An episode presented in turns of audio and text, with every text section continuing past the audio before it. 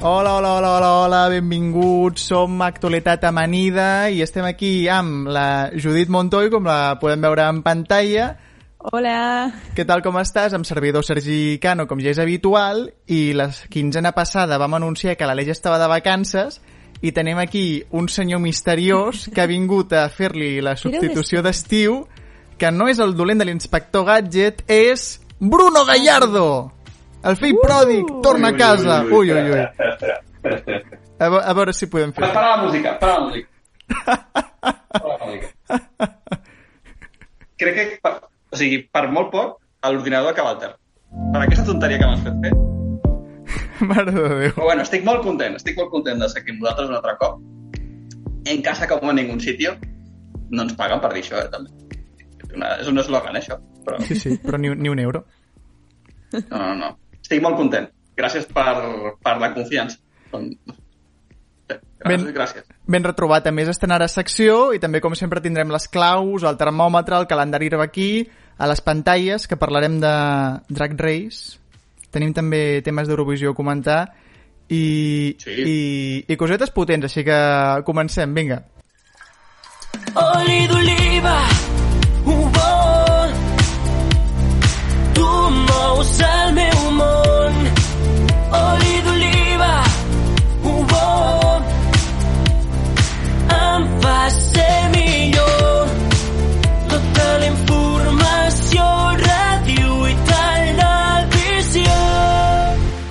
La sintonia d'Oli d'Oliva, que la setmana passada tenia una coreografia de l'Aleix i aquí el Bruno n'ha fet una altra. Sí, em això volia dir. Quina lla... una llagrimeta, una És que, llagrimeta. és que no me n'en recordava de la, de la coreografia.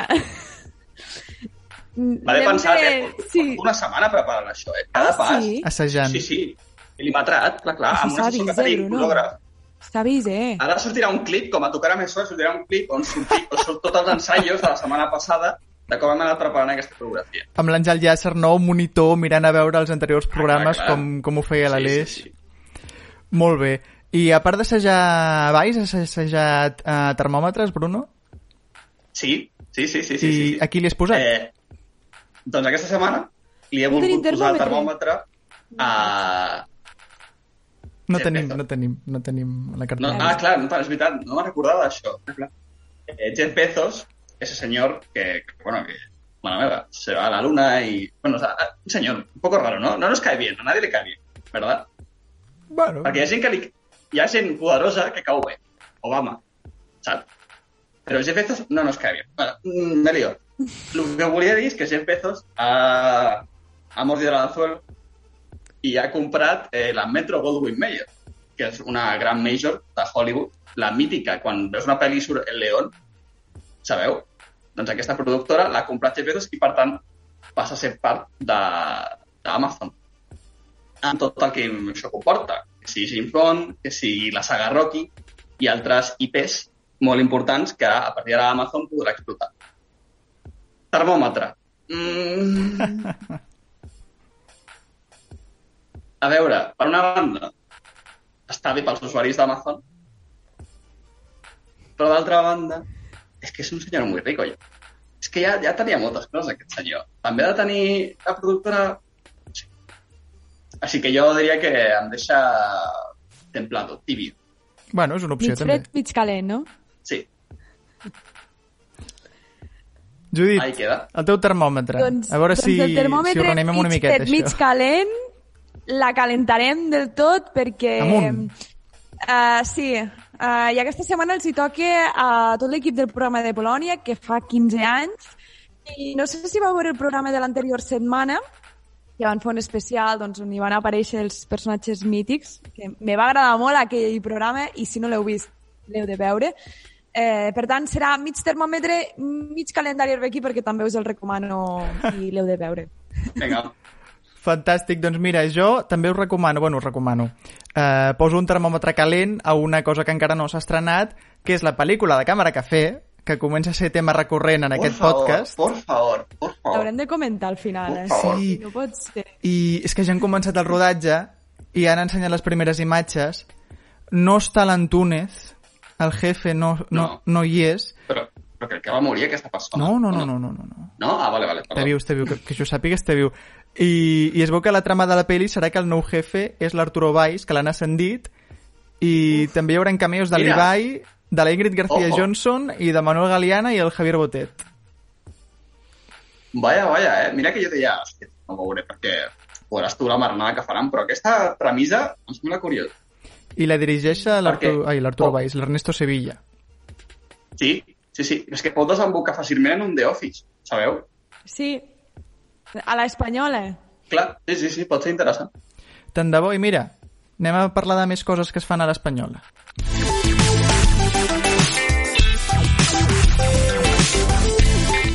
Perquè parlem d'una adaptació que és Drag Race Espanya, que s'estrena eh, ja aquest diumenge 30 a 3 Player Premium, i jo no sabia molt bé de què anava la cosa, o sigui, sabia que era un programa com de drag queens, no?, que, que farien sí, per a, a favor. 3 Player. Perdó, perdó, però un divulgador cultural sobre la televisió que no sabia que era drag queen. Sí, sí, sí. Això és un crim, eh? sabia què era, però no sabia ben bé com anava. Aleshores he pensat, com el bon periodista és aquell que es fa preguntes, m'he fet preguntes sí. per eh, publicar el llibre de Drag Race per a damis i us porto la- l'entrega gratuïta per vosaltres per entendre ah, de és què va. Quan entres a una web, quan entres una web i diuen, te regalo mi, mi, mi libro, i és un PDF que ho ha Sí, escrit en de Word quatre aquesta persona. pàgines. Sí, Sí, però en és aquest aquest cas... tipus de llibre. No, però en aquest cas és, és una cosa bona perquè és, és de qualitat, així que mirem un teaser de, de com el van anunciar i comentem cosetes. Venga. Es un honor para mí daros la bienvenida a la primera edición de Drag Race España. Bienvenidas, mis reinas. Empecemos. Comienza el sueño más bonito de vuestras vidas. Estoy flipando. encanta dar mucho espectáculo. Muy seguro de mí mismo. Una de vosotras va a ser coronada como la primera superestrella drag española. Qué emoción. Wow. Me quedo loquísima. Buena suerte y no la caguéis. Bé, doncs anem comentant. Els concursants es diuen reines i n'hi haurà unes 10. Ho presenta un altre drac que és la Suprema de Luxe i al jurat tenim a los Javis, com no, a, a 3 Media últimament, i la dissenyadora de, de moda Anna Locking i un convidat que anirà rotant a cada programa. Aleshores, l'objectiu de tot això és trobar a la millor superestrella drac d'Espanya fent proves, no? com una mena de Masterchef del drac, no? que Sí. sí. l'he l'he batejat d'aquesta manera, i hauran de fer doncs, sessions de fotos, balls, actuacions, passarel·les, i al final de cada programa hi haurà dues dracs eh, doncs a la corda fluixa, no? i l'eliminatòria la faran fent, fent un playback, fent un lip-sync. Vale, vale, vale, vale. Curiós, Fent un espectacle, no? Sí, Sí, això és, això és Drag Race, que jo no he vist, però vaja, esto, tota la, tots els meus amics l'han vist, fixa't. I jo no, que en teoria sóc el que li interessa la televisió, però bueno. O sigui, que és una cosa que, sí, sí, bastant de nicho, en certa manera, o sigui, no és mainstream, suposo que per això la fan a 3 al, Premium, i no Antena 3. Clar, però, però, però jo crec que sí que tindrà prou d'èxit. I, I em sembla interessant, sobretot, que, que no he vist coses que sí que veig habitualment a la versió americana, que és aquest drama, no? tota aquesta cosa dels personatges, que, que hi ha una evolució i les relacions entre ells. O sigui, com molt reality americà, no? D'un grup de persones que es relacionen més tipus Gran Hermano que Masterchef, no? I no sé si aquest, aquest Drag Race Espanya tindrà aquest component o no. De moment ho he vist més com un Masterchef.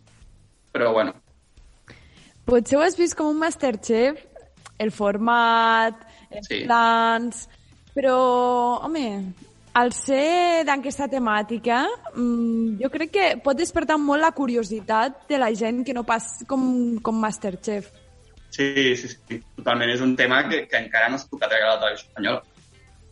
I a més és un tema que, que sí, que com deies tu, que no s'havia tractat i que potser la gent dirà, bueno, per provar mirem el primer capítol, a veure Sí. què, què tal és. Sí, sí, sí. sí. Adelante.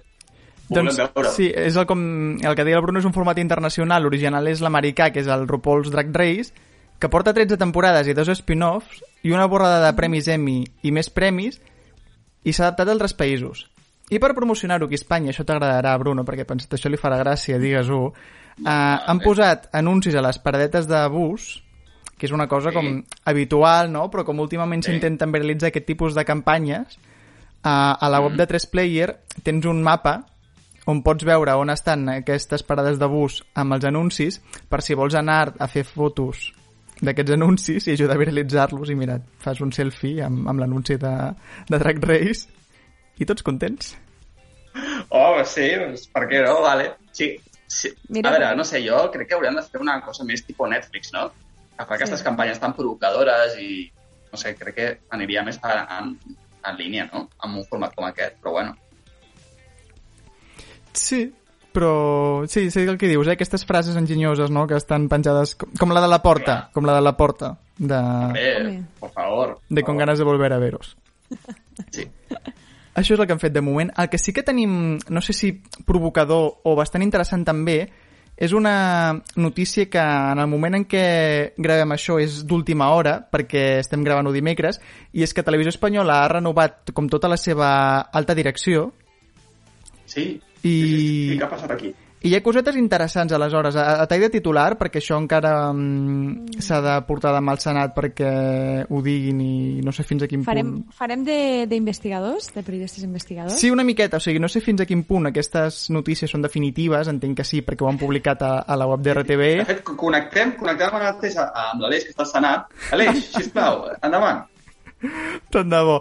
Aleshores, eh, resum, eh, el senyor Pérez Tornero, que substitueix a, a la Rosa Maria Mateo, eh, ha tret les direccions de Televisió Espanyola i Ràdio Nacional i aleshores faran com una direcció conjunta entre ràdios i teles per ajudar una miqueta tota la jerarquia de càrrecs i que hi hagi com una coordinació més fluida i Curiós, això. sí, És interessant. Tampoc hi haurà eh, una àrea com a tal de comunicació, però vaja, això són modificacions internes de que una àrea entra dins d'una altra per també carregar-se com càrrecs i, i que sigui una cosa com més, més fluida. I el que sí que és bastant noticiable és que l'Enric Hernández ja no serà el màxim responsable d'informatius sinó que serà substituït per eh, Mamen del Cerro, que fins ara era director d'informatius de les seccions de ràdio, i Hernández se'n va a dirigir la part web de RTV Notícies, la part Ui, aquests digital. canvis. Què s'amaga darrere, Sergi? Ui, Sí, s'amaguen moltes coses, s'amaguen moltes coses, molts rumors i, i, i molta política, també. Mm, Sí, però Perquè- perquè aquesta elecció, o sigui, quina és la diferència entre aquest, el senyor Enrique Hernández i Manuel del Cerro? A nivell, a nivell polític.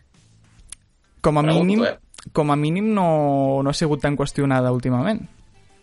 Vale. Perquè l'Enric sí, Hernández... No, no és una cara tan coneguda, potser, no? Clar, és, és l'avantatge de no ser tan conegut i aleshores doncs, la gent no et critica tant. L'Enric Hernández ha, ha sigut molt criticat i, i es deia que era l'home de Moncloa a Televisió Espanyola perquè, de fet, Clar. també alguns diaris han publicat que Pedro Sánchez ha intentat fins l'últim moment que no, que no el fessin fora.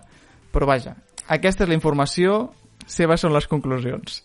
I eh, seguim amb, aquesta, amb aquest esperit de neutral perquè tinc un maldito bulo per vosaltres. Tinc un desmiéntemelo. Perquè segurament aquesta Vinga. setmana heu sentit que la Celia Villalobos s'obria un eh, equip de eSports i, Sí i entrava al món de les competicions.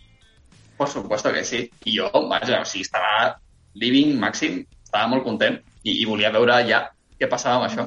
Doncs Cuéntanos, Sergi. no serà ben bé així perquè al final tot ha resultat ser un anunci de multiòptiques, de multiòptiques, veiem-lo. Nos hemos convertido en el equipo más grande. Tan grande que incluso sin saberlo ya formas parte de él.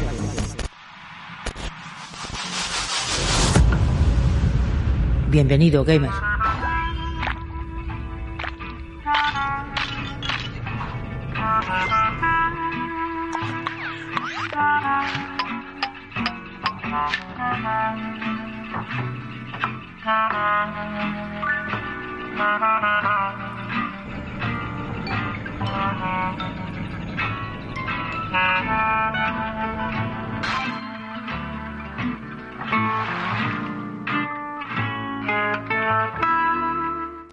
Mira, al final haurem de comprar ulleres amb filtre de llum blava. Això són adults que, com la mateixa Villalobos, juguen com eh, el Candy Crush, per exemple, no? I, i aleshores s'han de protegir d'aquesta radiació lumínica de les pantalles. La Judit feia que no amb el cap. Però és que, un... a veure, una pregunta. En quin equip de comunicació, en quina agència eh, de comunicació se li ocorreix posar a la Cèlia Villa, eh, Villalobos, perdó, a, com a protagonista d'un anunci sobre gamers. A veure, és que va tindre la seva gràcia en el seu moment, però ara mateix... Doncs mira, t'ho dic, que- l'agència LLYC, de Barcelona, a més a més. Vale, doncs Una abraçada. LLC... Llic. Sí. Mm, mm. Com? YIC, suposo, imagino. Geek, que ve de freak, que també ve de videojocs. Ser. eh, mm, han estat malament allí, crec. Perquè mm, és que jo crec que la gent no se n'en recorda, nosaltres perquè som uns friquis, però mm, jo crec que la gent tampoc se n'en recorda de qui és- aquesta senyora. Que sí que va estar No. Masterchef, si eres una Sí, bastava- celebrity. Sí, sí, sí, sí. Totalment. Totalment, sí, sí, sí. I després també... Jo crec que ha sigut... Bueno, puc dir la meva opinió? O, Avanti, o avanti. tu- Sí, sí, sí, sí. Sí? No, jo crec que ha sigut jugada mestra. O sigui, ha, han fet la mítica del màrqueting viral eh, de, de fer una cosa molt...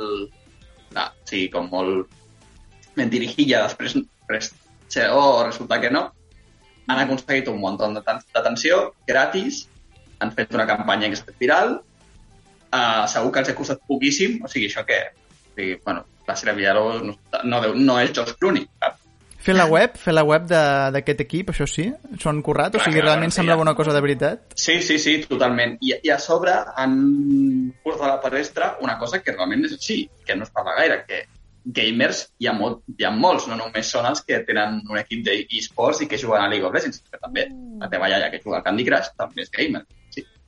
I que segurament hi ha més gamers que són com la teva àvia que gamers que juguen a League of Legends. El metro on està Sí, ple, que- per exemple. Por favor. Y, y a Pokémon Go, me encanta. Ya ellos que juegan a Pokémon Go. Siempre en mi equipo. I després, eh, en una espècie de claus eh, dins de les pantalles, tinc una notícia d'internacional que no podia deixar passar, perquè jo sé que us interessarà el tema, perquè el protagonista d'aquesta notícia és Kevin Spacey, que sembla que torna a treballar després de 4 anys, quan va haver de plegar perquè el van denunciar diverses Va vegades. ser, a, a tallar un moment, sabeu que Kevin Spacey és la veu que dobla al bebé jefazo? Aquí? Al bebé jefazo, la, la peli de bebé jefazo. Sí? Pues sí, sí, sí, sí, sí. Es, sí. Eh, bueno, Bueno, yo no lo sabía. men. Sí, sí, sí, sí, ahí queda. doncs tornarà a treballar després del bebé jefazo i després d'això de les denúncies per abusos sexuals eh, de moment eh, no ha estat condemnat no? i aleshores pot continuar treballant i, i ha aconseguit aquesta pel·lícula que eh, és El hombre que dibujó a Dios on precisament eh, el seu personatge és un investigador que segueix un cas de pedofília d'algú que ha estat acusat No. injustament. No, no. no. Sí, sí, sí, sí, sí. Aquest, aquest Però- és el titular. Mm, jo no sé si hagués acceptat aquell paper, eh? No sé si... No sé, jo crec que aquesta Ah. pel·lícula serà pues, la quiebra d'aquesta productora. Allà. És la meva gran incògnita, si com és del Kevin Spacey això fracassarà perquè ningú voldrà anar a veure o pel morbo de mm, veure'l parlar d'un tema que l'envolta tan de prop, doncs la gent anirà encara més i dirà a, a veure què està fent aquesta persona aquí. Jo crec que és una broma de mal És que ara, ara he fet una cerca per internet i buscat el Kevin Spacey perquè no em venia eh, al cap la seva cara i ja els titulars que surten ja és Kevin Spacey eh, torna a les pel·lícules amb una drama de, fedof eh, de pedofília. Vull dir que eh, la majoria de, de titulars ja porten torna a, a fer pel·lícules però torna amb una trama eh, d'aquestes característiques. Vull dir que jo no sé quina fama portarà amb aquesta pel·lícula. De moment, les pel·lícules que es van estrenar protagonitzades per ell després de que comencessin totes les seves polèmiques han fracassat. Aleshores, aquesta hauria de ser diferent? No ho sé, perquè la temàtica és doncs, aquesta molt concreta. No no lo veo. Veurem, Veurem què passa. veurem com funciona.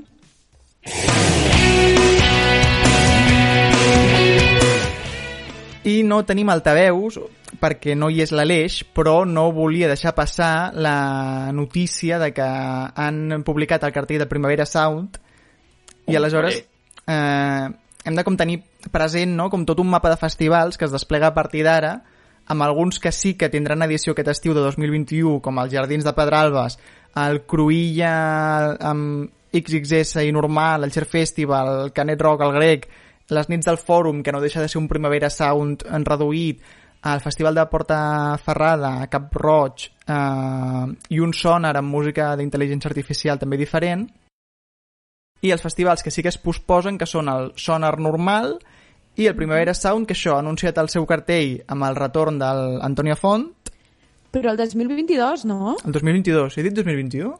Sí. 2022. Eh, dintre sí, de sí, dos sí, bueno. estius. Vale. I no sé si heu vist el cartell, però hi ha un desplegament allí d'artistes brutal, eh? Ah, vaja, jo pensava que esto era Coachella. O sigui, és que em sembla d'un d'un nivell... Vaja, mai vist. Increïble. Sí, sí. sí, sí, sí. és que venim de dos anys sense fer-se. I també han creat una fundació, que és la Fundació Primavera Sound, per eh, ajudar els barris de Barcelona. Vale, està molt bé això. Que això ha passat com per desapercebut, però aquí ho deixem. Doncs això, Això està és passant. interessant, perquè una empresa que segurament té un impacte a la ciutat, doncs que, que millor que, que cuidar aquest impacte perquè sigui positiu. Mhm. Va, clar. Estrenem la secció de, del Bruno? O què? Som-hi. Vinga, va, avanti.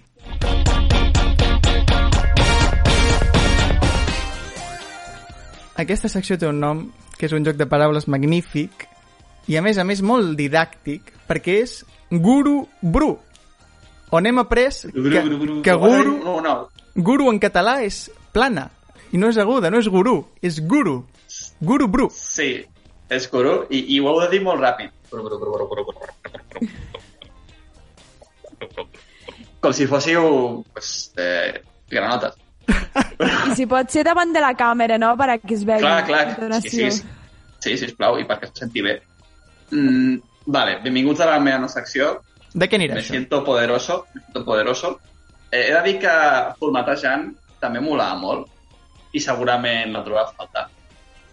Oh, encara es fa, perdó. Potser... A, encara- a pantalles parlem de formats, per exemple, Drag Race seria una mena de forma... formatant, que era la, la, la versió correcta Això. en català. Ciertament, ciertament. Vale. Bueno, pues des, de... avui, puro, puro. Eh, volia parlar...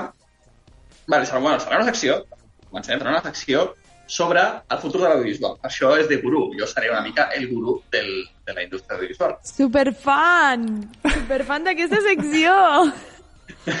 Llavors tindrem temes bastant, bastant candents que sempre surten als, als dinars familiars i el teu cunyat, tiet, pues, suelta, suelta, i tu tindràs eines per rebatir-lo i quedar perfectament com una persona de cultura general davant de la teva família. O sigui que crec que és... Agafo el que acabes de dir i, a més, Sí. aquest, i, i teu, mm, te faig un replantejament. Uh, aquesta secció la pots utilitzar quan es fa un seminari a classe i ve un professional que ja té una certa edat i una certa trajectòria Oh, en el eh. mundillo Eh. i ell te solta, ell, ella, t'ho dic ja per alguna, alguna experiència que m'ha passat, Sí, sí, te sí. solta tot el rotllazo de mm, no hi ha futur, la televisió s'està acabant, bueno, mm, internet eh, és una Matarà, cosa sí, momentània. sí, al cinema, al cinema de mort, no? Sí, sí, Doncs aquesta secció ens ajudarà a rebatir a aquestes persones eh, que usualment són, són una mica boomers, no? I Sí, tenen un aquesta poco. visió. Sí, Diplodocus, eh, Sí. Siglo Pasado, Sí. Blanco y Negro... Sí, sí. Ah, pues aquesta secció és Pixel. I, I comencem avui parlant de Streaming Wars. Streaming Wars, i ho dic així ja directament en, en aquests termes perquè és com, com, es, com els propis experts en la indústria solen parlar d'aquest tema, que és el gran auge de les plataformes de contingut audiovisual digitals que estem vivint últimament. Eh, vaja, o sigui, no seré jo qui us descobreixi que ja Netflix és una cosa que tu tens Netflix, tinc Netflix, com no tindré Netflix? Clar. I, i tenim Netflix, però tenim Amazon, Disney+, Plus, HBO, i tindrem potser Peacock, Paramount i, i mil que es aniran sortint cada cop més. No ho tindrem, li robarem que- algun familiar o algun amic i, i endavant. Parlarem d'això, parlarem d'això si, si podran robar-li o no, parlarem. Però cada cop n'estem veient més. I avui vull aprofundir en els canvis estructurals que suposa tot aquest nou context de plataformes digitals.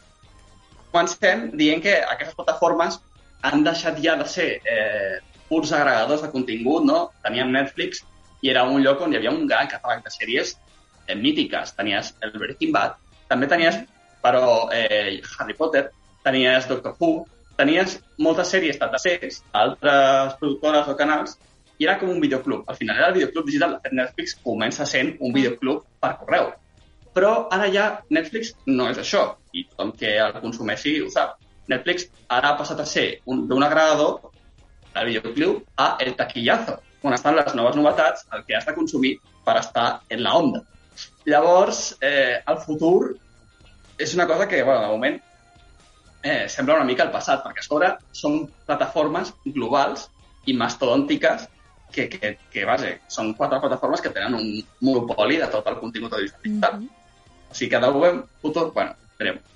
Um, doncs tenim aquestes plataformes que van estrenant, estrenant, estrenant i hi ha hagut canvis en el consum, no només en, en aquesta distribució del contingut.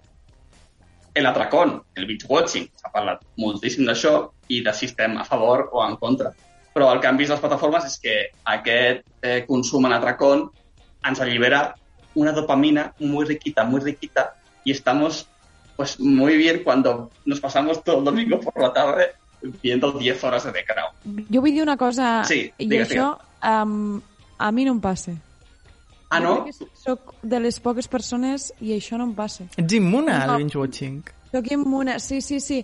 M'ha de pillar amb una sèrie, jo que sé, que m'agradi molt per acabar-me-la, però de moment potser m'ha passat amb Netflix, amb una, dos. Però les altres és que...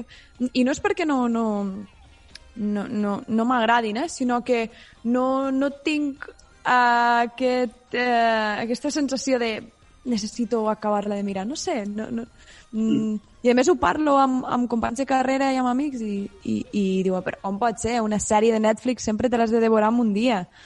A vosaltres us passa, no?, de que devoreu sèries en caps de setmana? Sovint. El que passa que ara intel·ligentment les van publicant algunes plataformes com setmana a setmana, Ah. no? nous capítols. Per exemple, a Movistar, que jo ara estic veient Reyes de la Noche, doncs et publiquen dos capítols cada setmana i aleshores et controlen una miqueta aquesta ànsia de, del binge-watching. Això també està molt bé, això també està molt bé. Aquí està. Però aquí, aquí has dit també, has tret tot el tema, que és l'altre model, no? Aquest de setmanal, i que hi ha aquesta competició a veure què és millor, però no és que és millor al final, és què és més rentable per a la plataforma. Perquè hem de tenir molt clar que l'únic objectiu d'aquestes plataformes és que tu paguis cada mes. Nosaltres, com a usuaris, importem zero, no? Ens estàs dient?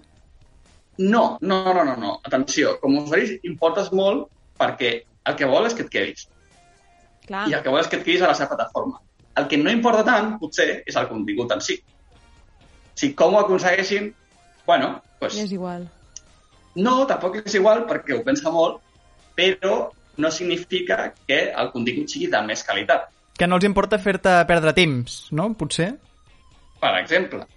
I tampoc els importa fer sèries ultra addictives i ultra serials, és a dir, que- no siguin sitcoms, que tu veus un, un capítol, bueno, al, segon capítol passa el que passa, però tot torna a la normalitat. No, ara les sèries, com tots sabem, te dejan con el aire al cor i sempre és noves incògnites. Què passarà? No sé què passarà. Ara apareix aquesta caixa misteriosa i, i vull saber què hi ha a la caixa misteriosa i saber-ho, així que de continuar veient.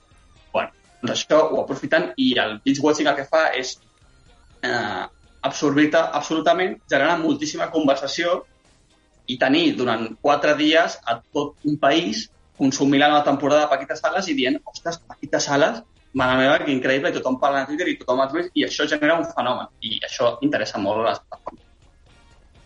Però també el contingut setmanal el que té és que eh, va renovar la confiança va renovar la confiança setmana a setmana.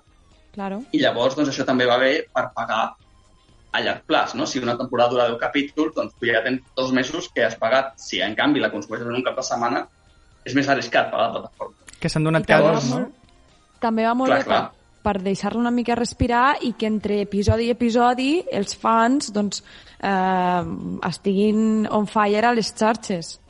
Sí, també, també, clar, clar. I que s'han donat casos de produccions caríssimes que només es rentabilitzen en un mes de, de pagament de la subscripció perquè els usuaris se la devoren i aleshores després ja no segueixen pagant fins a l'any següent que estrenen la nova temporada d'aquesta sèrie. Uf. Exactament, exactament. I, i també, però, ojo, és més arriscat perquè si de sobte aquesta sèrie de 10 capítols tu veus que el capítol 2 doncs, ja no funciona tant, Uh -huh. doncs ja està, saps? I llavors, clar, és com que demanes un compromís potser una mica més alt i, i ja dius, pues, em vaig a la plataforma perquè total, o sigui, ja està. Però en canvi, si has vist aquests 10, 10 capítols, doncs els has vist, llavors la plataforma ja ha aconseguit el que volies, que era que et quedessis els 10 capítols. bueno, aquí queda. Eh, un altre dels fenòmens importants d'aquest- streaming wars o que plataformes és el, la fi de les sèries esdeveniment. Hem de pensar que fa uns anys teníem O de Tronos, Breaking Bad, Lost, eren sèries que tothom mirava, que tothom es reunia per, per, per mirar perquè eren la sèrie del moment. I, i, És veritat. i, i no només, ojo, perquè quan parlem de Paquita Sales també, bueno, tu em pots dir, sí, Paquita Sales O, o, paper, o, o la Casa de Papel, també podríem parlar. Clar, és la sèrie del moment, però ojo, perquè ja no és el mateix, perquè Paquita Salas o la Casa de Papel són sèries potser una mica més de nínxol. No a tothom li agrada Paquita Salas. El teu pare es mirarà Paquita Salas? No, Paquita Salas no, però per exemple Clar. la Casa de Papel sí. Sí, La Casa de la Papel... Casa de Sí. Totalment, totalment. Però, però com dic, o sigui, com, com que hi ha, hi ha menys sèries que són grans esdeveniments. Abans, quasi tot, totes les sèries que treien les plataformes, o millor dit, la televisió per cable, que era la generadora de les sèries als anys 2000, com Los Soprano, Lost, com dèiem, eh, Breaking Bad, o de Tronos, volien crear aquests es- esdeveniments. Però ara les plataformes s'han adonat que hem arribat a un punt en què la minissèrie és més eficient. I aquí, Especialitzades, no? sí, més especialitzades perquè és important, perquè això és el que ofereix Netflix també, és com el contingut per tothom, per tota la família, a qualsevol moment del dia, o sigui, com molt de nínxol, el que tu t'interessa, no només el que surt per la tele, no? sinó el que tu vols mirar. Però ha més, més que això, és que una gran sèrie de vuit temporades, com és Juego de Tronos, clar, vuit temporades, cuidado, són potser 100 hores de contingut. Requereix un compromís. Llavors, si és, molt, si és molt llarga una sèrie, no creixen els subscriptors. El que va passant és que, el, perquè clar, recordem que això és un streaming wars, i els subscriptors ja no són gent que mai ha tingut plataforma, són gent que està a altres plataformes. Per tant, amb una sèrie superllarga no fidelitzes a la gent. Llavors és important que hi hagi sempre nous estímuls i noves coses que faci que la gent estigui a tant, ah, a veure quin és el, ah, això és el Ah, nou ara me'n vaig a. Netflix, ara me'n Sí, a ara- Amazon. Clar, perquè ara, això, Sí, han tret això i l'he de veure, però clar, si tots els teus diners els poses com a, com a plataforma a una sèrie que dura set temporades i que la sèptima temporada, doncs, sí, tens els fidels, però sí, clar, però també ja hi ha no gent que s'ha és- quedat pel, pel camí i ha vist el primer capítol i ha dit ei, doncs potser no m'agrada i mira el Exacte. catàleg que hi ha Clar. i, i tampoc la treu. Per tant, Clar. és molt interessant això que estaves comentant sí, de sempre eh, nous estímuls. I és Clar, veritat que ara perquè- estem veient sèries que tenen menys capítols per temporada i que són més curtes de, de veure. aquí està, aquí està la clau. Estem anant a un model de minissèries, perquè són menys arriscades i perquè la gent doncs, diu ah, bueno, són 10 capítols, m'ho miro en un, en un cap de setmana. I És- més barates, a més. Sí, sí, sí. I més sí, totalment. efectivament. I ja parteixes de zero. Ja pots provar més coses diferents. I si veus que et funcionen els teus capítols, doncs fas un més, com amb la Casa de Paper. Claro. Saps? Però ja no, no et, comprom no et, no et comprometes com a plataforma de fer una cosa mastònica. Llavors és com que, clar, què està fent Netflix? Doncs ens, ens està donant bollos, podríem dir, Sí. Eh... perquè no vulguem menjar un filete o un estofado. Clar, volem que la nostra alimentació sigui en bollo, sigui barata i industrial que no pas uh, una de més elaborada. Ja t'es- No. t'estic pillant, Bruno, t'estic pillant. Sí, això, pa, pa, això he de, he de fer un incís, que tot això eh, que estic dient jo no són reflexions amb les que jo pues, em desperto un dia i penso per què soc superllist. No, no, no. Això eh, hi ha molts periodistes especialitzats, acadèmics, i en concret, en concret la Elena Neira, que és una gran Sí. especialista de tot aquest tema, Sí, sí. que totes les reflexions que dient ara mateix jo les he tret dels articles que publica a Business Insider o del seu llibre Streaming Wars, que recomanem un munt. Dir-ho, di, dicho, eh, queda dicho, perquè no us penseu que jo sóc aquí Einstein. Llavors, per això, hem vist Gambito de Dama, Antidisturbios, Veneno, eh, Tiger King, sis capítols que funcionen molt. Què passa? Més saturació, Claro, sí, sí, perquè clar, amb tanta cosa dius, i jo què veig? Llavors aquesta Ah. fatiga de la indecisió, que què fa? Que clar, que Netflix diu, ni de conya ens arrisquem a que la gent se'n vagi perquè no sàpiga què veure. Seria un crim. Llavors, cada cop fan coses que saben que funcionaran. Llavors tenim un contingut molt més homogeni. I donen com molt Ja la turra acabar- amb els últims llançaments, no? Sembla com que les setmanes que hi ha una estrena en concret, als portals digitals només es parla d'aquella sèrie, als carrers només hi ha anuncis d'aquella sèrie, a Twitter només la, es parla d'aquesta sèrie, és com que es fa com omnipresent només en aquella setmana en què s'ha estrenat i després la gent se n'oblida. Exactament, exactament, és això. Sí, sí, sí, perquè saben que, que el que necessiten és nous subscriptors, nous subscriptors, nous subscriptors.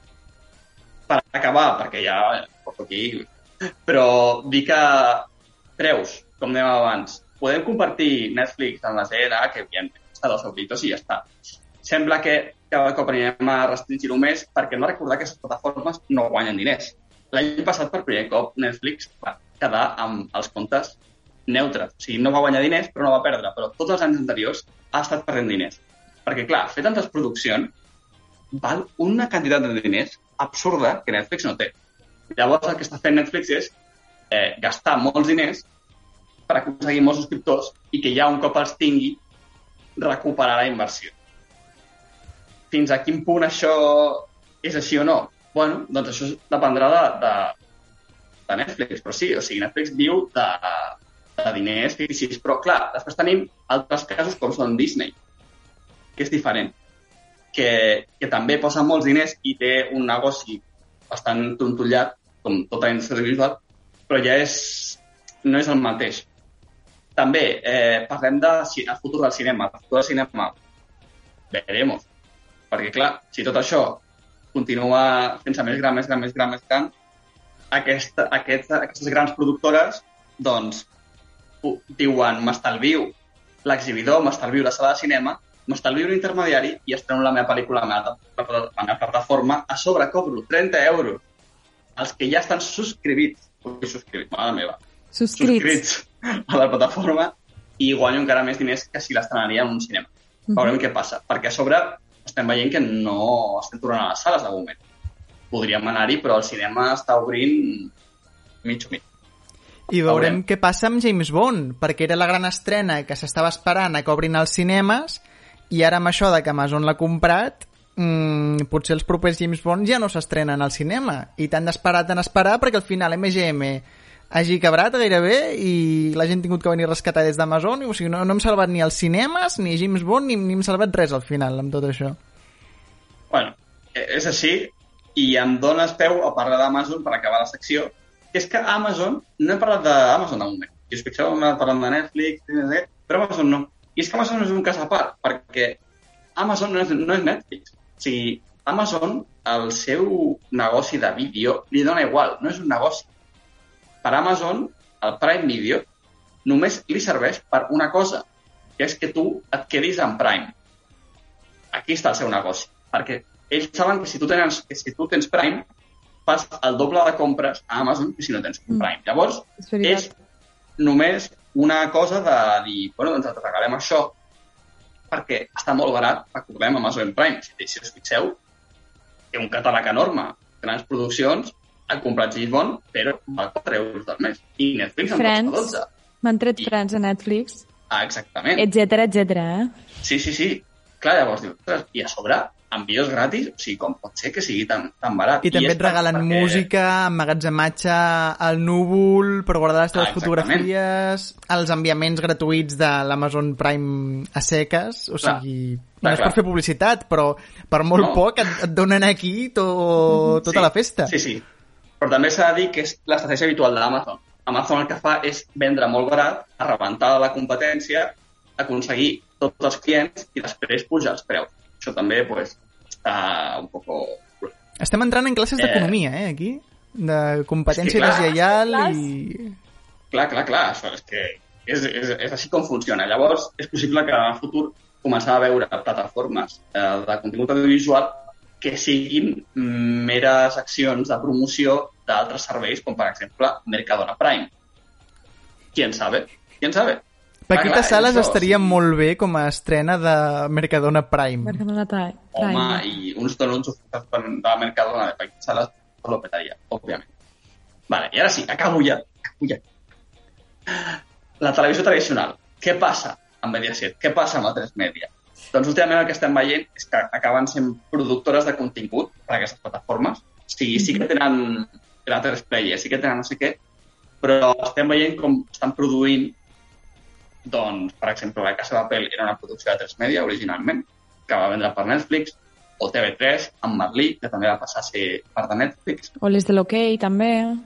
Exactament. Crims, que està a Llavors- Amazon doblat al castellà, que això poc se'n parla, poc se'n parla. Ah, Sí? No ho sabia. Sí. Llavors, el que... Clar, jo crec que aquest tipus de produccions potser les plataformes les acaben fagocitant a la televisió en obert.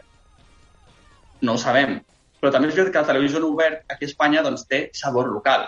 Clar, Amazon, vosaltres veieu Sálvame a Amazon, oi que no... Oi No, que però, per exemple, sí que veig eh, la que s'avecina a Amazon. Sí, exactament. Sí, sí, sí, això, això és cert. I cada cop més estan intentant impulsar el seu apartat local, aquesta plataforma.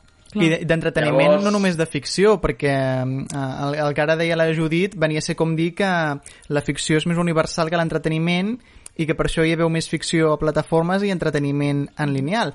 Però precisament Amazon ha estrenat a LOL Si te ries pierdes, que podria ser perfectament un, un programa dels divendres a Antena 3 com més resbala, perquè són còmics fent coses de còmics. Clar, i com dèiem, aquestes plataformes el que volen és oferir contingut per tothom, de nínxol, i que ningú es quedi sense el seu contingut. Llavors, tenen una posició complicada les televisions tradicionals. I ja per fi s'ha acabat la secció de Guru Guru de Pata. Guru Blue, eh, conclusió. El capitalisme ens rebentarà a tots i la tele no, no se n'escaparà. I ens hem equivocat de carrera. Una miqueta, però vaja. Uh, ara que no ens sent l'Anna, no hem agafat filosofia tampoc, saps què et vull dir? Que, que estem encara amb, amb, amb, un, amb un nínxol, que est- estem a la cua, però no estem a la cua del tot. Que No això... estem tan malament, no estamos tan mal, No estamos tan mal, hombre, al loro. Eurovisió, home.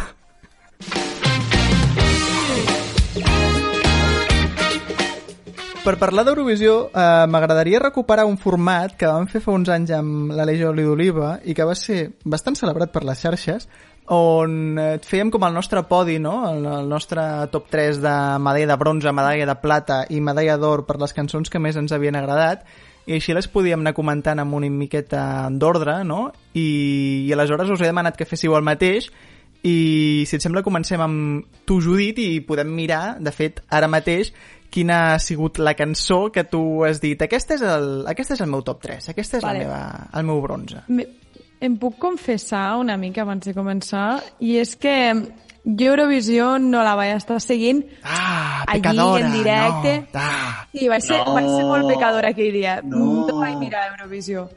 Per tant, eh, clar, el Sergi em va dir hem, hem de comentar Eurovisió, no sé què... Li vaig enviar el eh, vídeo que ell que posen abans de les votacions sí. de resum de 20 segons cada cançó, li vaig enviar. Tu digue'm quina està agradant Ah. d'aquí. A veure, Molt útil, eh? Molt útil. Vaig-. Molt clar, jo vaig veure algunes actuacions, eh, però totes no les vaig veure fins que el Sergi me va passar aquest vídeo del recull.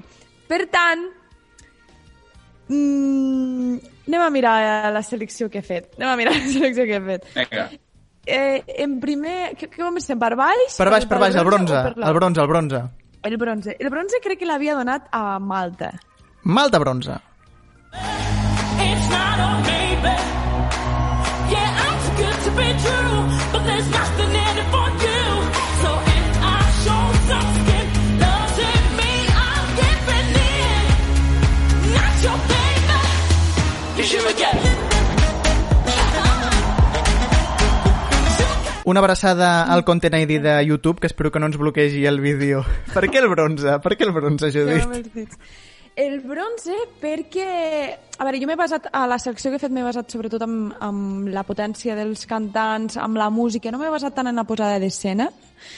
I mm, m'ha agradat molt la força que transmetia eh, Malta a l'hora de, eh, d'ensenyar la seva cançó.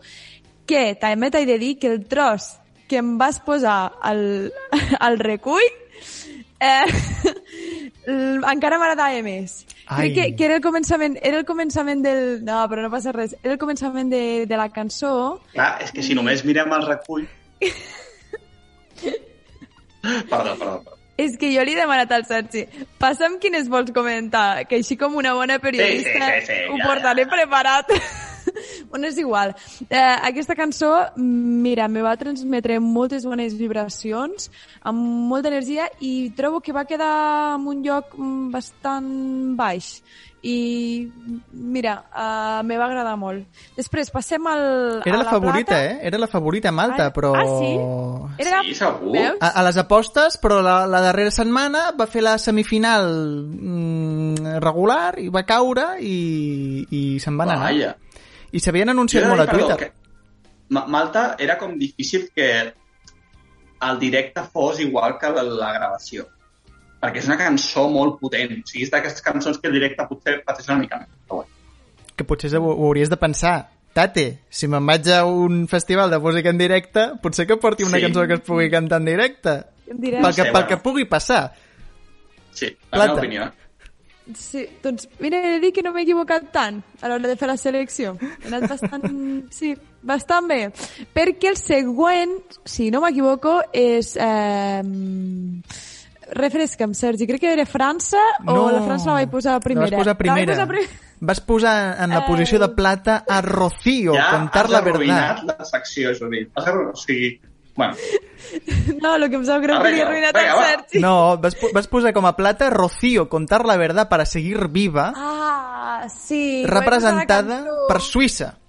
Suïssa, sí, sí, sí, sí, però us he de dir que no la vaig posar perquè em sonés del programa, sinó No? que la vaig posar també, no, perquè també la cançó me va agradar molt i aquesta sí que la vaig veure en directe. I... L'escoltem? Pens- Sí, sí, sí, Sí. escoltem.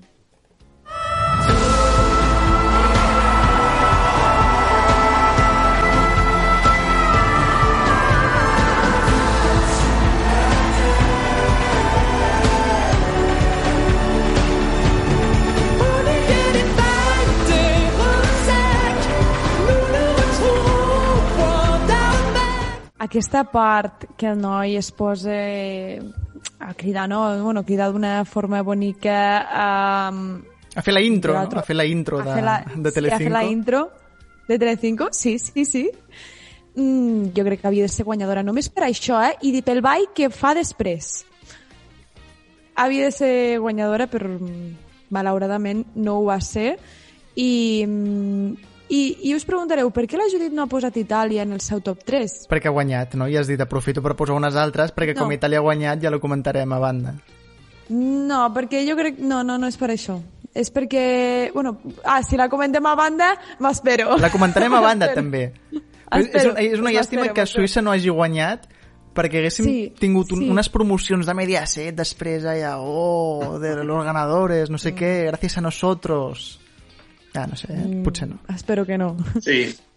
Jo sí que, perdó, Suïssa mm, no me convence. Eh, Suïssa em sembla que és una còpia de la guanyadora de l'any passat i que a sobre és que el tío pues, es muy guapo y a los gays de. Eurovisión nos no gustan los chicos guapos. Tal. Ahí lo dejo. Perquè tu sempre has sigut més de de Suïssa que no de Suïssa a seques, Bruno Gallardo. Per què fas aquestes bromes? Mai m'agrada molt, però la gent no sap què és. Sí, la gent sí que sap que és de Suïssa, Vengamonjas, que ho busquin després, eh? per això que encara ens queda Sí, la medalla d'or de la Judit. Que en aquest Vinga. cas, com ja hem dit que era França, doncs, Sí, i he fet un spoiler i és França. doncs ho, ho, ho mirem i, i ja està. Voilà,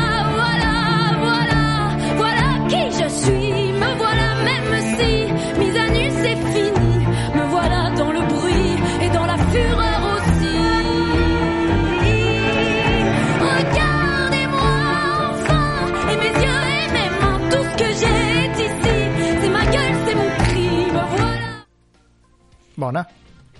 En aquest cas, eh, l'he posat com a medalla d'or perquè mm, la trobo que és molt francesa, aquesta cançó. No, Sí. no és perquè... Moltíssim, moltíssim.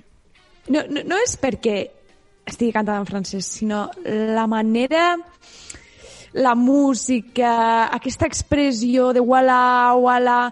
Eh, mira, trobo que és una molt bona manera de representar el país i més d'una manera mm, al mateix moment també discreta. No sé si m'he explicat bé, Sí, però... sí, sí. Sobrietat, però no? molt original. Sí, sí, sí, És, totalment. jo crec que és minimalista i que, recordeu, ara faig una mica de flashback, però recordeu a OT quan el no sé qui, crec que OT, el segona que vam fer, que li van dir que fes Zaz, la cançó de Zaz, la de GB, Mm?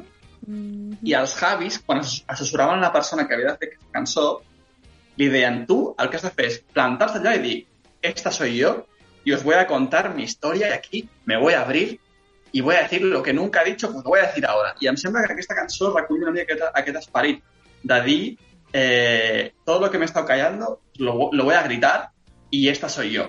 Soltes tot? Sí, sí, sí, sí, totalment. Oi que sí? Totalment. I, i també, igualment, trobo que té molta força el, Sí. mm, el missatge que, que no l'entenem massa, però... Eh, Home, voilà. Justament. Voilà. Bueno, però voilà, però Sí, sí, deu de dir més coses a la cançó, però no, no, sí, sí, totalment. Parla de croissants, de mantegues, de Torres Eiffel, no? De Clar, coses de França, baguettes. no? Parla de coses de Sí, França, de clar. França. Per això és francès, eh? I va venir al plató de Rocío a cantar aquesta noia també, que per això a mi em sonava. Sí, sí, sí, sí, sí. Curiós. Els que no van venir tant de bo, eh? eh han sigut els teus bronze, Bruno, que ens els pots introduir si vols. Home, per favor, Islàndia. Eh, una de les... Bueno, no sé si sorpresa, però cosa bastant diferent que no havíem, vi- no havíem vist mai a Eurovisió. Em va agradar molt per, per això, per l'estètica, que és molt internet. La mirem i comentem? cosa... Sí, sí, sí, sí. Vinga. How does it keep getting better?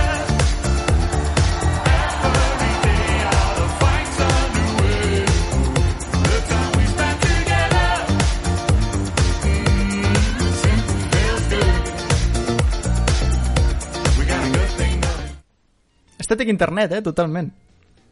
Por favor, sí, buen rollismo. Gente así como cute, mona. Eh, a sobra eh, el, el meme, por favor, de dime un grupo de amigos LGTB que no se vea así, literalmente. Sí, es que tal cual, o sigui, es que el alto con pelo largo, la del pelo azul, eh, la lesbiana que no sé, bueno, pues que realment semblen, semblen, sí, sí. I tot el tema del pixel art i de buenas vibras, em sembla molt generació Z i molt internet i per això tenen el meu. I t'he de dir que són la meva medalla d'or, m'hagués agradat molt que guanyessin, i po Oh. pobrets que dos d'ells van donar positiu en Covid i Ja. la seva actuació va ser registrada de dies anteriors. Però te lo digo, eh, el fet que ells estiguin via online al seu sofà em sembla super internet també. O Té el sigui, seu què? super coherent artísticament Amb el la Sheldon. que fan. És que, clar, clar, em sembla super, super interessant. Bueno, no sé, que bé, que, que, que bien resuelto. Doncs sí, i jo crec que no, no, no sortim del tot d'aquest camí amb els teus plata, no? Tampoc? No, no, no. no. Vinga, ponlos, ponlos. Dic el país? Digues el país. Lituània. Ara en anglès. En anglès? En anglès, ara. Com que en anglès? A Eurovisió ho has de dir en anglès i en Ah, francès. vale, vale, si vale. no, no és Eurovisió. Vale, molt bé.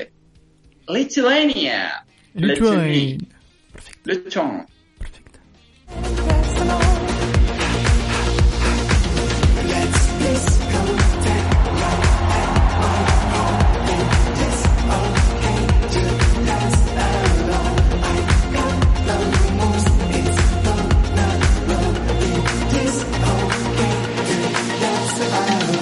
Yes. Quina meravella, quina meravella, o sigui, com no pot ballar amb això? Jo estic sorprès. He de dir que aquest any amb Eurovisió m'ha sorprès moltíssim. Crec que hi ha hagut una pujada de nivell exponencial. Si compares Eurovisió 2019, tu mireu, busqueu la compilació que fan de, de resum de les actuacions de 2019 i de 2021. Crec que el nivell ha pujat moltíssim, de veritat, eh? I mira que jo a Eurovisió m'ho prenia una mica broma, tal, però aquest any hi havia cançons que realment jo me les escolto. Sí, sí, i Lituània em sembla que, que com a proposta, joder, em sembla, no sé, Daft Punk. O sigui, em sembla super, super guai, la veritat. Home, imag- imagina't si, és, imagina't si és bo, que també era el meu plata, Islàndia era el meu or i Lituània era el meu plata, Bruno, aquí hem coincidit bastant, im- imagina't si era bona. Fíjate. I li irà posar en escena brutal amb el color morat, que a mi m'encanta el color, i la combinació de eh, groc i morat, que són colors complementaris. Però, bueno, la gent que sap una mica té el color. Però, o sigui, crec que està molt ben escollida i les animacions i tot, que brutal. Doncs sí, això no Passeu està malament, no està malament per ballar-ho, ens haurem Ah. d'aprendre la coreografia. Sí, sí, sí. sí. Passem a l'oro. Passem a l'or, que per mi és indiscutible qui hauria d'haver guanyat aquesta edició d'Eurovisió, que és Ucrania. Ucrania. Con... eh, Hola. Pon el vídeo.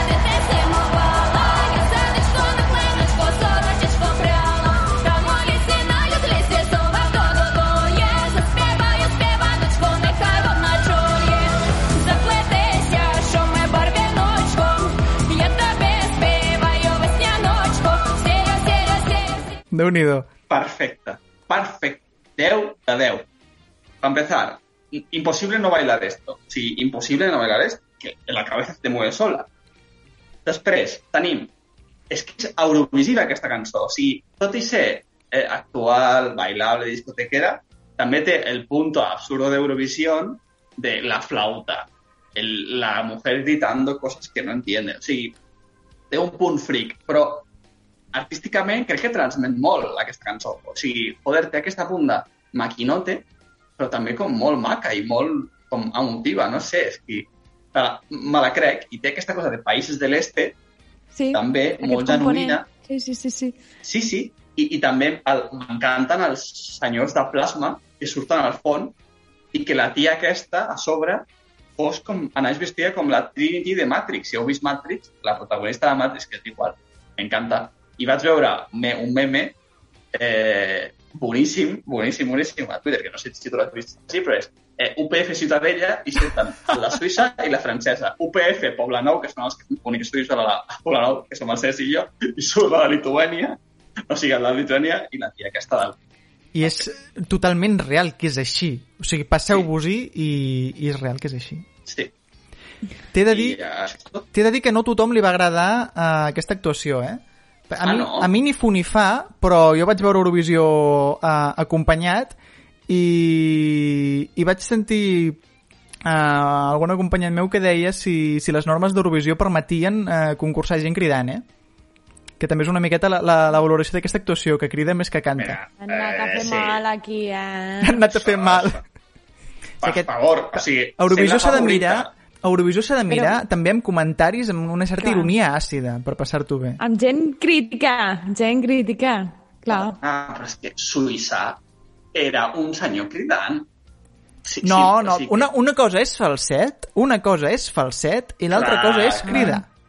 I és Clar, diferent. Que, per cert, eh, també ho recomano a la gent així que tingui temps. Bueno, no sé. Recomano que mireu els videoclips d'aquestes cançons, perquè pocs són mínimament acceptables. I els videoclips d'Eurovisió, cuidao, eh? O I en és canvi, un gènere... en canvi hi ha alguns que són bastant fidels a l'actuació després, que és com un, és com un Sí, sí. concepte artístic ben treballat. No, però això està bé, perquè significa que hi ha el concepte ben treballat des del punt de partida.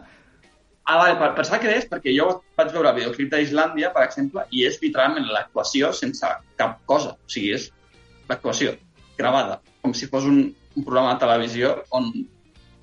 Sí, hi ha gent que no fa videoclips, que grava l'actuació, però... Bueno, videoclip nosaltres, de... quan, quan, anem a Operació Triunfo, el nostre videoclip és l'actuació Sí. d'aquella setmana d'Operació Triunfo. Ah, sí, tal qual, eh? Ah, no, no, perdó, perdó, mentida, mentida, mentida. Això les primeres setmanes. Després gravem videoclip, perquè la venda va tenir Sí. videoclip i el vam comentar, de fet, aquí a Actualitat Amanida. Vale, vale. Bueno, això, el videoclip de Suïssa se me cara de web. O sigui, és, eh, bueno, la televisió local. Solo digo eso. Venga. Doncs mira, no sortim de la televisió local, o potser una miqueta sí, perquè ja que hem comentat a Lituània i Islàndia, que també estaven en el meu podi, només em queda la meva medalla de bronze, que va per Grècia. Let's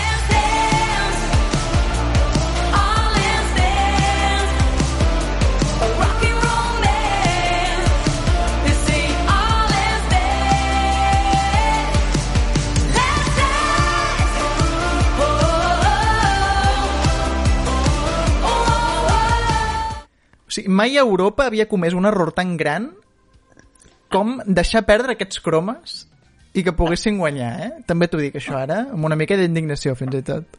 Què feu no votant els cromes de Grècia? Per favor! Mira, Sergi, te lo tengo que decir. Eh, a tu et va agradar molt l'any passat, bueno, l'any fa dos anys, el Nanana. Ai, sí, Serhat, Serhat, t'estimo, t'estimo. I love you, Serhat. Grècia aquest any ha fet el Nanana. Sí. No, perdona, perdona. El, el Serhat, el Serhat, que, que, que l'hauríeu de buscar per, per veure com és, Sí, sí, sí. ha tingut el seu fill actuant aquest any per part de Lituània. Sí. O sigui, Lituània és la filla legítima de San Marino. No biològica, Però- eh? No però- genètica. Però, que podria ser perfectament que l'actuació d'aquest any de Lituània fos una preqüela de l'actuació de San Marino quan Serhat, eh? I que el Sí, però tu- en su joventut, va ser el discotec. I això t'ho signo jo ara mateix, Això, que ho crec perdona, sí, però de veritat. Tu tens els òrgans auditius severament greu. O sigui, sisplau, vés a l'hospital. No. O sigui, no tenen res a veure. Com... Mira, Judit, tu saps de què estem parlant? Ha hagut un moment que m'he perdut. Anem a Hi ha mirar, hagut un moment que m'he perdut. anem a mirar Judit l'actuació... representant a l'audiència ara mateix. Anem a mirar l'actuació de San Marino de fa uns anys i anem a jutjar, per favor, si no s'assembla a l'actuació de Lituània d'ara. Sergi, per favor, no, no, no, no, no, no et sent ridícul. Perquè és el mateix, és el mateix senyor de jove, sisplau. Vinga, va.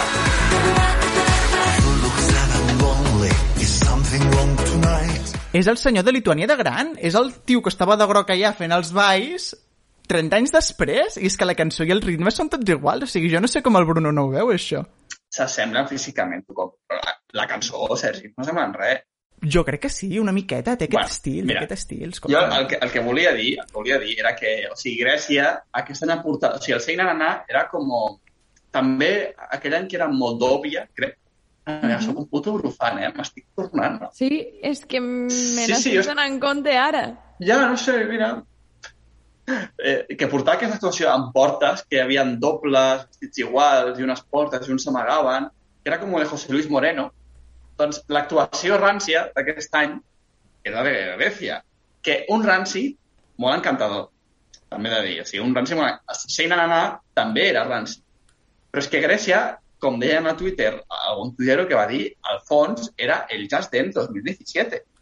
O sigui, los 3Ds que salien de fondo era molt, molt cutre. I a sobre, aquesta cosa de purpurina i de la, la broma del croma, sí, increïble.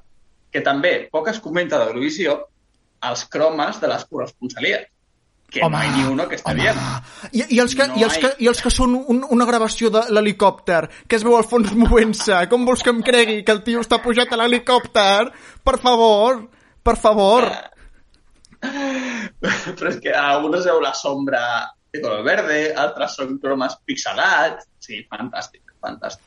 Perquè això et diu que la televisió pública de Grècia és, té el mateix pressupost que la televisió pública de Cardedeu. Ah, En tots els respectes, la televisió pública de Cardedeu és boníssima, segurament, en comparació a la... Bueno, La primera, Ja la primera de... No sé si de tot l'estat, no? la primera en català, La primera en català. La primera tele en Sí. català. abans que... Sí, sí, abans que TV3. I tenim els guanyadors, que van ser Itàlia, que mira com van ser els guanyadors. Tam també ho comentarem. Sono fuori di testa, mani verso da loro. E tu sei fuori di testa, mani verso da loro. Siamo fuori di testa, mani versi da loro. Siamo fuori di testa, mani versi da loro. Els guanyadors, no? Què hem de dir? Han guanyat, felicitats. Va, va molt bé. A veure, i, eh, puc dir el, el que volia dir abans?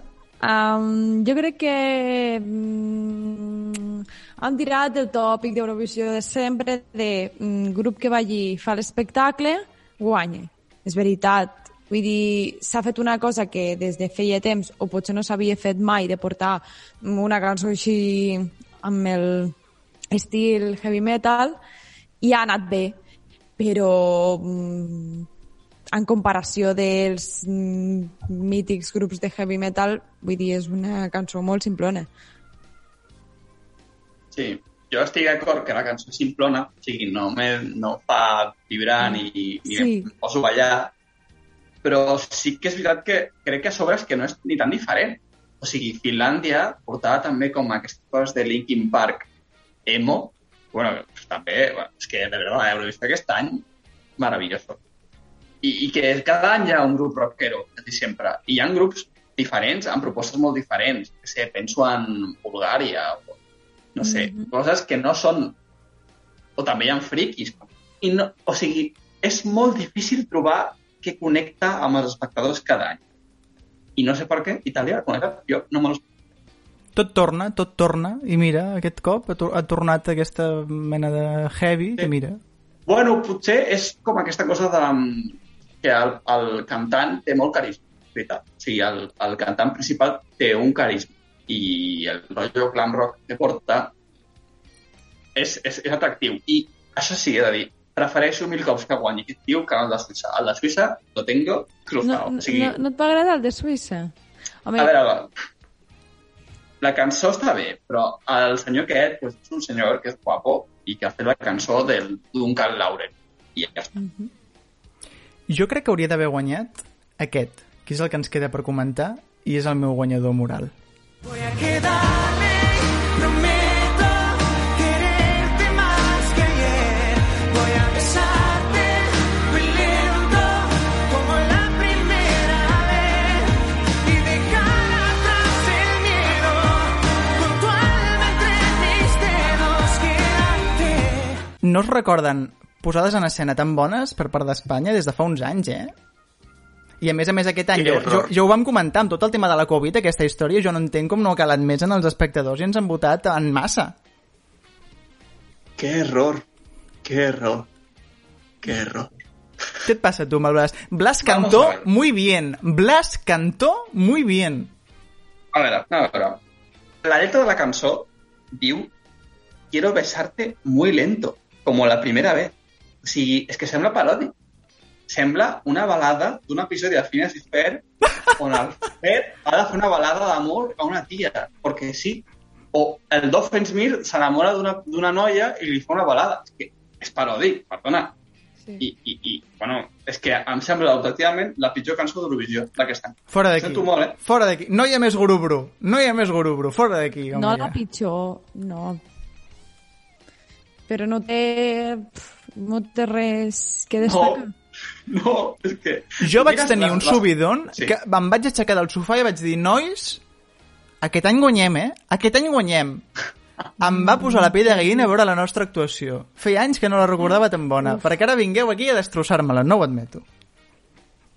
Perdona, però mira, només pensar que la venda és que, mira que tampoc era una cosa superguai, però és que ja tenia molt més, molt més fitxa que això. I després també, que és que... Ah, què anava a dir? Ah, sí, si compares els altres participants que han quedat últim, no sé, Alemanya tenia una proposta curiosa, Regne Unit no parlem perquè Brexit, però no sé, si mires els últims tenen coses. Aquesta cançó és que sembla l'Eurovisió de fa 5 anys, o, o, o no, o 10 anys. A veure si amb els canvis de RTVE canvia alguna cosa a Eurovisió. T'imagines? Que també està hauria per veure. Molt, eh? Hauria de canviar molt, però segur que ho explicaríem a les claus. Ho explicarem, sí, ho explicarem. Què ha passat aquesta quinzena que no ens podem perdre abans d'acabar el programa amb aquests 6 minuts fantàstics que ens queden, que ja ens està saltant l'alerta de, de Zoom? Doncs uh, aquesta setmana començarem parlant de la ràdio musical Europa FM, que suposo que us haureu enterat que ha acomiadat el locutor i presentador Javier Cárdenas. Um, De fet, eh, ho ha fet també d'una manera molt fulminant i sense que ell i el seu, epic, el seu equip es poguessin acomiadar. A3 Media Ràdio ha decidit prescindir d'ell, que fins ara doncs, havia estat el màxim responsable del matinal de, de la cadena, i ho fa per diverses polèmiques. Primerament, l'acomiadament es dona doncs, perquè hi ha una enorme crisi d'audiència, sobretot en el seu espai, i també doncs, ha vingut comportat per controvèrsies en opinions que ha donat el presentador eh, en alguns temes, sobretot també en temes de Covid, que allí és millor no posar-se i que han provocat nombroses queixes i incomoditats cap a, a, a Tres Media. No sé si heu vist la, la notícia, creieu Sí, sí. Que, que ja era hora de, de, de fer-lo fora o en sou fans, el Cárdenas? Jo sóc fan... de dir que... Jo sóc fan de que hagi dit que el treuen per censura, que algú Sí, ha trucat sí. des de la Moncloa i dir aquest senyor d'aquesta ràdio musical fora, eh, del matinal, aquest senyor fora. Sí, sí, sí. Això a mi m'agrada perquè no és- s'ha s'ha d'estar molt bé, per dir-ho. Només he de dir que fa molta gràcia que Europa FM el seu eslògan sigui la mejor música dels 80, 90, 2000, 2000... Clar, al final és tot, i tot de la música. Sí, clar. Ho heu pensat, això? Bueno, ja està, només volia comentar això. No, no hi havia pensat, però, però hi pensaré la pròxima vegada que, que ho escolta. Pensarem tu, Bruno. Oh, El que em, em sembla una llàstima per això és que no els deixin acomiadar-se. Això sempre és una putada Sí. i a mi m'agradaria que tots els formats poguessin dir adeu com toca, no? Però vaja, que t'ho diguin un dia per l'altre. però- els seus motius tindran també, suposo. Seguim amb la segona clau i és que la Casa de Paper torna, torna amb la temporada final. Ja la, la companyia de streaming Netflix ha anunciat que la cinquena tanda d'episodis vindrà en dues parts.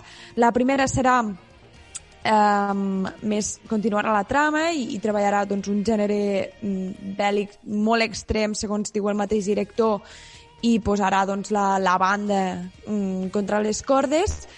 Uh, aquesta primera tanda d'episodis es uh, presentarà el 3 de setembre, però després hi tenim una, una de darrere ja, que es, ho farà el 3 de desembre, ojo la, la diferència, i aquí ja s'acabarà. Vull dir, s'acabarà i a més ho faran amb emoció i sentiment i jo crec que més d'un plorarà amb aquest comiat de la Casa de Paper.